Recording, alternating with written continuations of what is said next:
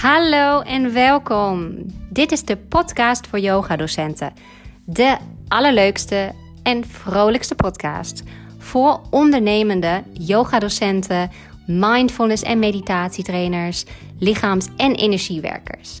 Mijn naam is Malka en in deze podcast deel ik met jou al mijn marketingkennis, mijn kennis rondom ondernemerschap in deze branches maar ook mijn overpeinzingen rondom het leven als yogadocent. Ik wens je heel veel luisterplezier.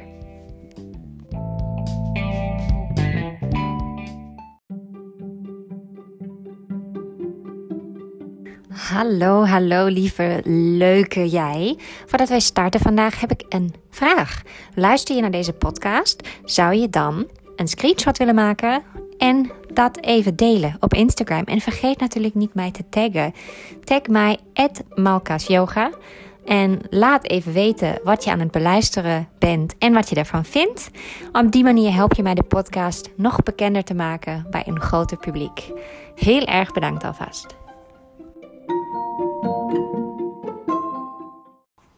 Hi, hi, lieve mensen. Ik had even zin om live te gaan en even een paar hersenspinsels te delen. Um, dat komt omdat ik een paar podcasts heb geluisterd in het Engels. Um, en ik ga een beetje voor jullie samenvatten wat ik eigenlijk daaruit heb kunnen halen in het Nederlands. Misschien vind je dat wel leuk. En de vraag, uh, ook de titel van deze live video is: waarom zijn er eigenlijk zoveel yogadocenten? Want Misschien wist je dat al, maar alleen in Amsterdam al studeren elk jaar meer dan 2000 yogadocenten af. En dat is een, uit, een oud getal. Dat is denk ik van een paar jaar geleden. Dus het zou best kunnen dat dat nu veel hoger is geworden inmiddels. Want ja, we hebben ook online trainingen. Er zijn hele andere mogelijkheden ontstaan. Ik denk dat er veel mensen die misschien um, al langer met het idee speelden om een opleiding te doen, dat nooit hebben gedaan omdat de, um, ja, eigenlijk de schema's waarop zo'n training draait, vaak met weekendmodules bijvoorbeeld, um, voor die mensen in hun leven niet, uh, niet te doen waren. Maar nu kunnen ze online. En kunnen ze dingen terugkijken of ze kunnen cursussen doen die gewoon helemaal in je eigen tijd online zijn. Dus dan heb je veel meer mogelijkheden. Dus ik, mogelijkheden. Dus ik denk dat er nog veel meer yogadocenten afstuderen dit jaar. Um, maar waarom zijn het er eigenlijk zoveel? En hoe kan het nou dat je eigenlijk zoveel trainingen kunt vinden en doen?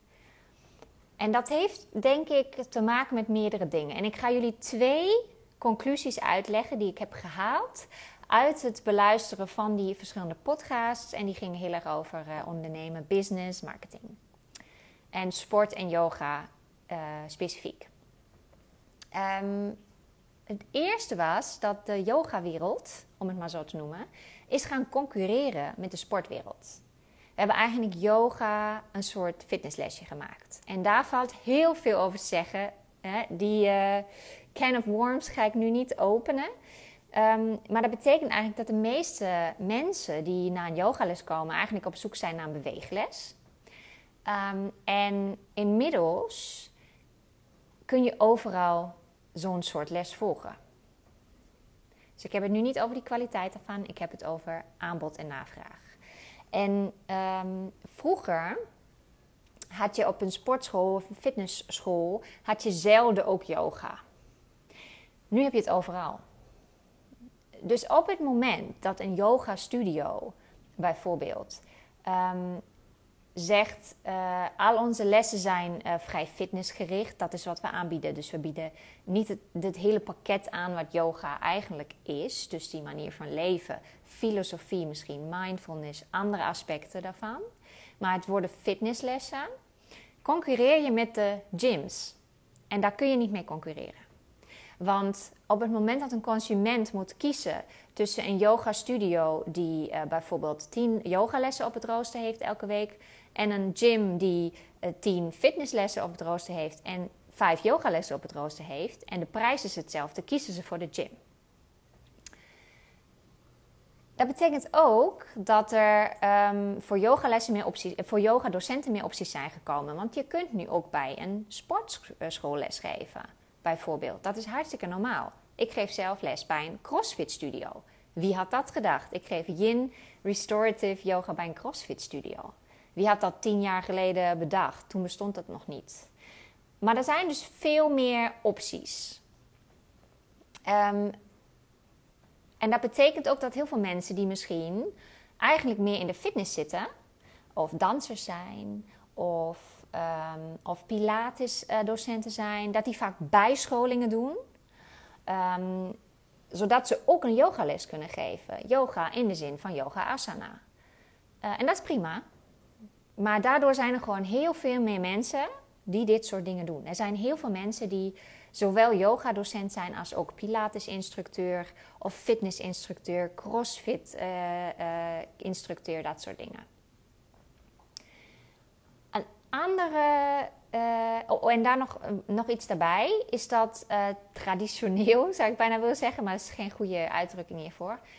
Maar de fitnessindustrie en lesgeven in een gym als personal trainer voor bijvoorbeeld, laten we zeggen, een hitles of een gewichthefles super slecht betaald is. Dus als je als yogadocent daarin komt, dan, dan schrik je misschien zelfs wel. Ik schrok toen ik begon bij studio's, want ik dacht, dat kan niet waar zijn. Dat dit het enige is wat docenten betaald krijgen in een studio. Maar de sportwereld is vaak nog lager.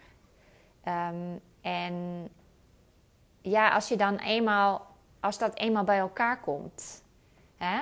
Dan heb je heel veel mensen die die les kunnen geven. Dan kun je eigenlijk zo kiezen uit je mensen dat je ook kunt zeggen: uh, Ik hoef je niet, want iemand anders doet het wel voor, voor uh, eh, 15 euro per uur. En dat sluit mooi aan op twee, uh, de tweede punt waar ik het over wilde hebben. Waarom zijn er eigenlijk zoveel docenten? Dus reden 1 is: we zijn um, gaan concurreren en verweven geraakt met de sportwereld. Dus er zijn gewoon veel meer mensen die yoga als een soort fitnessles geven en die uit een andere hoek komen. En dat is helemaal prima. Maar dat is gewoon, dat groeit de pool aan docenten. Uh, en de tweede reden, uh, want er zijn natuurlijk heel veel mensen die wel een, bijvoorbeeld een 200 of een 300 of een 500 uur yoga, puur yoga opleiding doen. Um, maar dat komt eigenlijk voort uit iets anders. Je zou natuurlijk, vind ik de gedachte heel mooi om te zeggen Ehm, dat is omdat yoga heel veel mensen aanspreekt en heel veel mensen graag zo'n opleiding willen doen. ik denk dat het ook klopt. Alleen het is gewoon veel makkelijker geworden. En waarom is het makkelijker geworden om zo'n opleiding te volgen? Omdat er heel veel opleidingen zijn. Zeker in de grote steden. Een yoga-studio in Amsterdam, die um, misschien wel duizenden euro's huur betaalt, midden in de stad, elke maand. Stel je huur is 4000 euro per maand. Um, dat ga je niet uh, redden door alleen lessen te geven. Dus met alleen lidmaatschappen en lessen runnen, ook al zitten die vol, ga je dat niet redden. Je gaat niet overleven. Dat is uh, qua businesskant gezien is dat niet, niet haalbaar eigenlijk. Die studio's die draaien op andere dingen, waar ze echt winst mee maken. Dus om niet alleen kiet te gaan uh, draaien, maar gewoon winst te maken, moeten ze eigenlijk andere dingen doen. Wat je heel veel ziet is dat ze een hele mooie zaal creëren, bijvoorbeeld. Dus ze geven heel veel aandacht aan het interieur. Want dan kunnen ze de zaal heel mooi verhuren voor fotoshoots, voor workshops buiten hun rooster om. Dus dat zijn dan geen workshops die hun docenten geven, maar dan worden ze echt, gaan ze echt zeg maar, voor een specifiek workshop die zaal verhuren en hebben ze daar verder niks mee te maken, behalve dat ze het hosten. Om te verhuren voor uh, meetings, voor bedrijven zie je ook wel vaak langskomen. Um, en uh, grotere cursussen bijvoorbeeld. Daar gaan ze winst op draaien. Maar datgene waar ze de allermeeste winst uit kunnen halen, zijn opleidingen, teacher trainings. En daarom zie je ook dat um, zeker in Amsterdam bijna elke studio ook een teacher training aanbiedt. Een teacher training kun je runnen op de momenten dat je studio niet bezet is. De opleidingen die vinden vaak plaats buiten het rooster om. Dat betekent, die mensen mogen natuurlijk naar die lessen komen vaak. Maar bijvoorbeeld zie je heel vaak, het is zaterdagmiddag, zondagmiddag, vrijdagavond, dat zijn de tijden dat die opleidingen plaatsvinden. En daar kunnen ze gewoon de, meeste, de allermeeste winst uithalen. En dat is prima, want je moet overleven als bedrijf. En blijkbaar, eh, omdat het zo uh, toegankelijk wordt daardoor eigenlijk, zo makkelijk om een opleiding te volgen. Blijkbaar zijn er ook heel veel mensen die dat dus willen en die daar geld aan willen uitgeven. En dat is prima. Hm, dit is geen uh, judgment talk. Dit gaat niet over of je wel of niet een opleiding aan moet bieden. Daar wil ik het helemaal niet over hebben. Um, wat ik wil dat je begrijpt, is dat op het moment dat een teacher training allerbeste is om uh, winst te maken voor een studio, gaan ze dat aanbieden. Misschien één keer per jaar, misschien twee keer per jaar. Misschien bieden ze verschillende aan. Misschien bieden ze een um, Vinyasa yoga opleiding aan, maar ook een Yin yoga opleiding. En misschien gaan ze het jaar erop ook nog uh, een restorative yoga opleiding aanbieden of een soort bijscholing voor docenten. Want daar kunnen ze dus echt winst op maken. En dat betekent dat heel veel meer mensen deze opleidingen gaan doen. En dat betekent dat dus elk jaar alleen in Amsterdam al meer dan 2000 mensen afstuderen in een yogaopleiding. En wat gebeurt er dan? Dan heb je heel veel yogadocenten. En dan kunnen studio's en sportscholen kiezen wie ze nemen voor het lage tarief dat ze willen betalen. Als je zegt, ik ben een studio en ik betaal 20 eh, euro voor een les bijvoorbeeld. En een docent zegt, dat wil ik niet, uh, dat vind ik te weinig. Heb jij dus een soort machtspositie. Want je kunt zeggen, Oké, be my guest. Ga ergens anders lesgeven. Er staan hier nog 2000 mensen te wachten die jouw plek willen innemen. En dat is een soort supply and demand. En um, ik kom uit een, een andere uh, achtergrond in de culturele sector, waar dat precies zo werkt in het begin als je start met werken. Daar studeren heel veel mensen af op media- en cultuurwetenschappen. Je komt uh, ergens binnen. Ze bieden je een soort minimumloon aan. En als je nee zegt, dan is dat maar jammer voor je. Want er staan nog 300 andere sollicitanten voor de deur die dat allemaal wel gaan doen. En die wel gaan werken zonder overuren te betaald krijgen, bijvoorbeeld. Dus ik vind het ook niet, je kunt het dus, eh, de studio's niet aanrekenen in die zin. Want uh, als er gewoon te veel aanbod is en je hebt heel veel keuze, dan kies je gewoon voor wat ook nog past in je budget. En er zijn genoeg hele, hele goede docenten die voor hele kleine tarieven werken.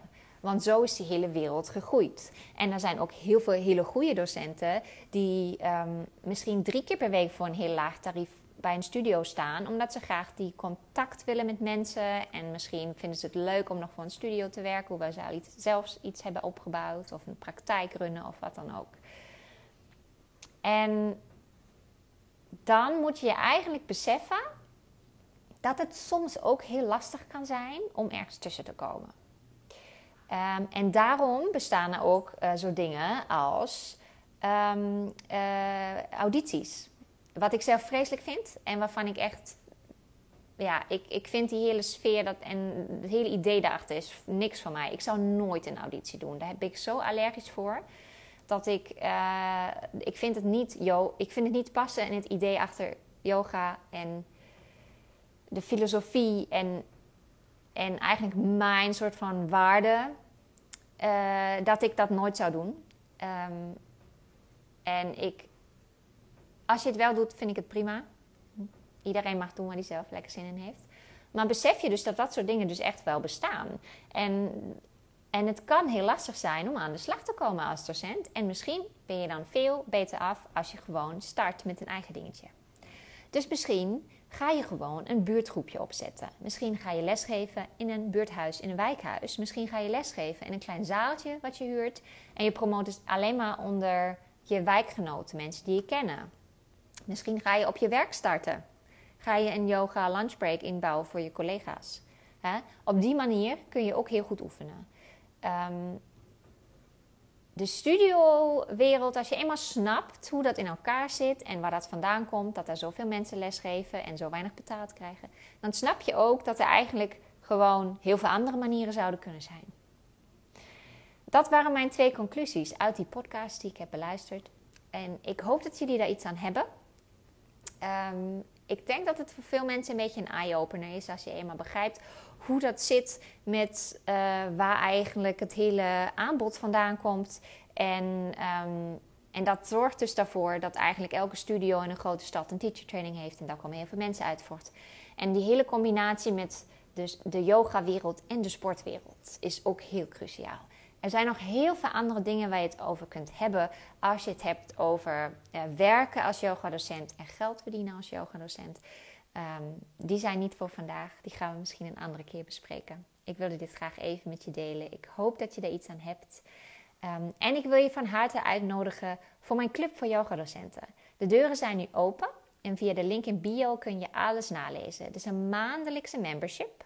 Uh, waarin we heel veel verbinding aanzoeken, connecties. Um, we gaan met elkaar in gesprek. Je mag vragen stellen. Ik heb een wekelijks virtueel koffieuurtje waarin je mag inbellen via Zoom als je met een één op één vraag zit. Eén keer per maand uh, hebben we een groepsessie via Zoom. Je krijgt mini-masterclasses, je krijgt expert talks, je krijgt allemaal lees- en luistertips. Heel veel rondom marketing en ondernemen voor yoga-docenten. En ook niet onbelangrijk, een heleboel inspiratie en creativiteit en mindset. Want dat is niet um, te verwaarlozen op het moment dat je iets voor jezelf wilt beginnen. Heel erg bedankt voor het kijken en tot snel. Doei doei!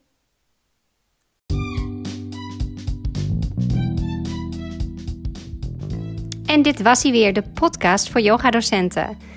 Vond je dit leuk? Laat een voicebericht achter. Stel je vragen ook als voicebericht of als je je daar niet helemaal comfortabel bij voelt. Geen probleem. Ik ben super blij met alle berichten die ik krijg via Instagram of e-mail. Ik hoop van je te horen. Ik wens je nog een hele fijne ochtend, middag of avond. En graag tot de volgende keer.